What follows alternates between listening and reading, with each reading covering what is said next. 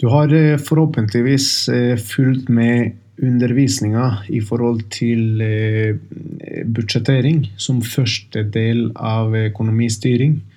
Og der har vi innbakt snakka mye om grunnleggende regnskapsspråk.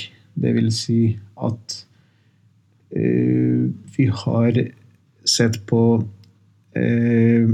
begreper som bl.a. budsjett og regnskap. Eh, og forskjellen mellom dem er rett og slett knytta til tidsdimensjon.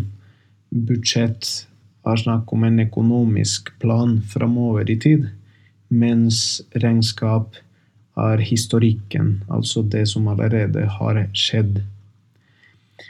Eh, I tillegg har vi eh, snakka om tre hovedoppstillinger i regnskapet eller i budsjettet og det betyr at altså det er oppstillinger, rett og slett måter vi kan sette opp eh, datamateriell på.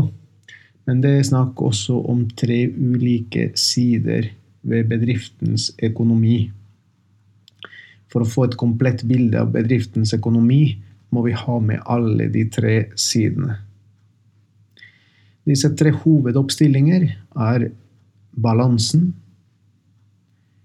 resultat og kontantstrøm eller likviditet. Det første, balansen, den viser en oversikt over eiendeler og hvordan disse er finansiert gjennom egenkapital og gjeld.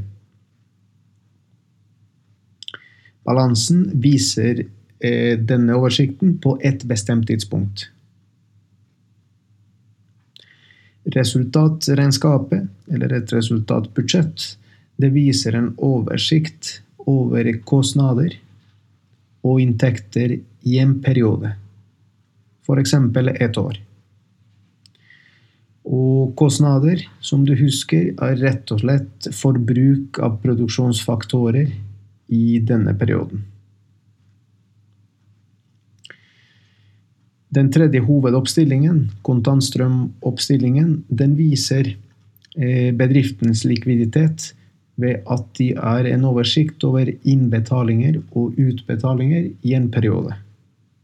F.eks. et år. Her er det altså snakk om penger inn og penger ut. Selve pengestrømmen.